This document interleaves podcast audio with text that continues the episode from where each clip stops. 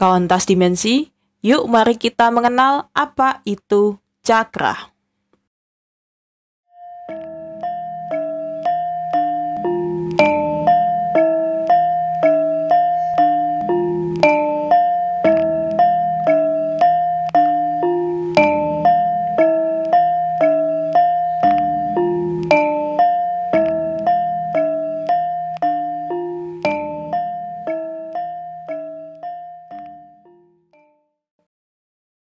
Cakra, kalau dalam bahasa Sanskerta, berarti roda atau lingkaran yang berisi energi dan letaknya di titik-titik tubuh kita. Sebenarnya cakra ini sendiri ada banyak ya kauntas dimensi, tapi ada cakra utama yang kemudian diberi nama khusus agar kita mudah mempelajarinya. Nah, cakra utama ini nantinya ada tujuh gitu yang akan kita pelajari dan akan kita bahas di satu season ini penuh ya. Nah, pancaran energi dari cakra utama inilah yang kemudian bisa membentuk bias cahaya keluar dari tubuh kita dan itu yang kita kenal sebagai aura. Dan aura sendiri sudah pernah dibahas di lintas dimensi di episode 19 tepatnya di season 2 ya. Tapi kalau misalnya kawan lintas dimensi ingin sekali diperjelas lagi tentang aura, saya akan buat lagi episodenya karena kasihan kalau harus cari di episode 19 itu mundurnya jauh sementara ini sudah episode 100-an lebih ya. Oke. Okay. Dan kehadiran cakra ini penting sebab dengan adanya ini maka tubuh kita bisa melakukan kegiatan apa saja termasuk berpikir, merasakan ya, feeling gitu, kemudian makan, minum dan segudang aktivitas harian kita. Nah, cakra tidak hanya ada pada tubuh manusia, hewan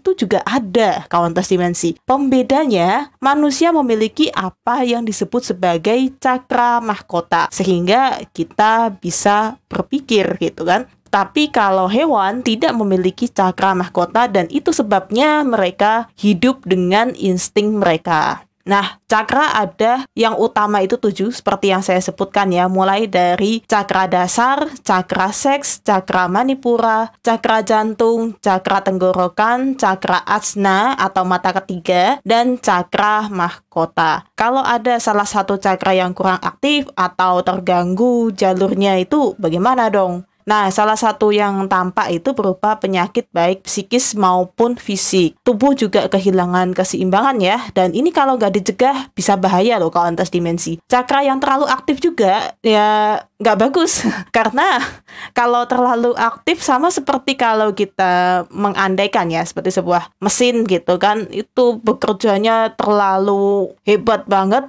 itu kan dia akan cepat panas dan akhirnya bisa menyebabkan kerusakan. Sama seperti kalau cakra juga seperti itu. Kalau dia terlalu pancaran energinya ya di salah satu cakra saja terlalu besar sedangkan cakra yang lainnya kurang itu juga akan mempengaruhi keseimbangan tubuh kita. Jatuhnya sama juga nanti akan sakit juga baik psikis maupun fisik. Tergantung dari cakra mana yang terlalu aktif yang kita perkuat di situ karena cakra ini bisa kita perkuat sendiri kalau lintas dimensi. Dan itu tidak harus apa ya dengan jalan kalau kita tahu kan dengan jalan meditasi bahkan dengan pikiran kita itu bisa memperkuat. Nah ini nantinya akan kita bahas lebih lanjut ya. Oke rasanya cukup sekian ya Countess Dimensi. Terima kasih sudah mendengarkan sedikit penjelasan tentang cakra ini dan berikutnya kita akan mengenal lebih dalam ketujuh cakra utama di dalam tubuh kita termasuk nantinya akan ada penjelasan tentang kundalini. Itu ya Countess Dimensi. Salam semesta.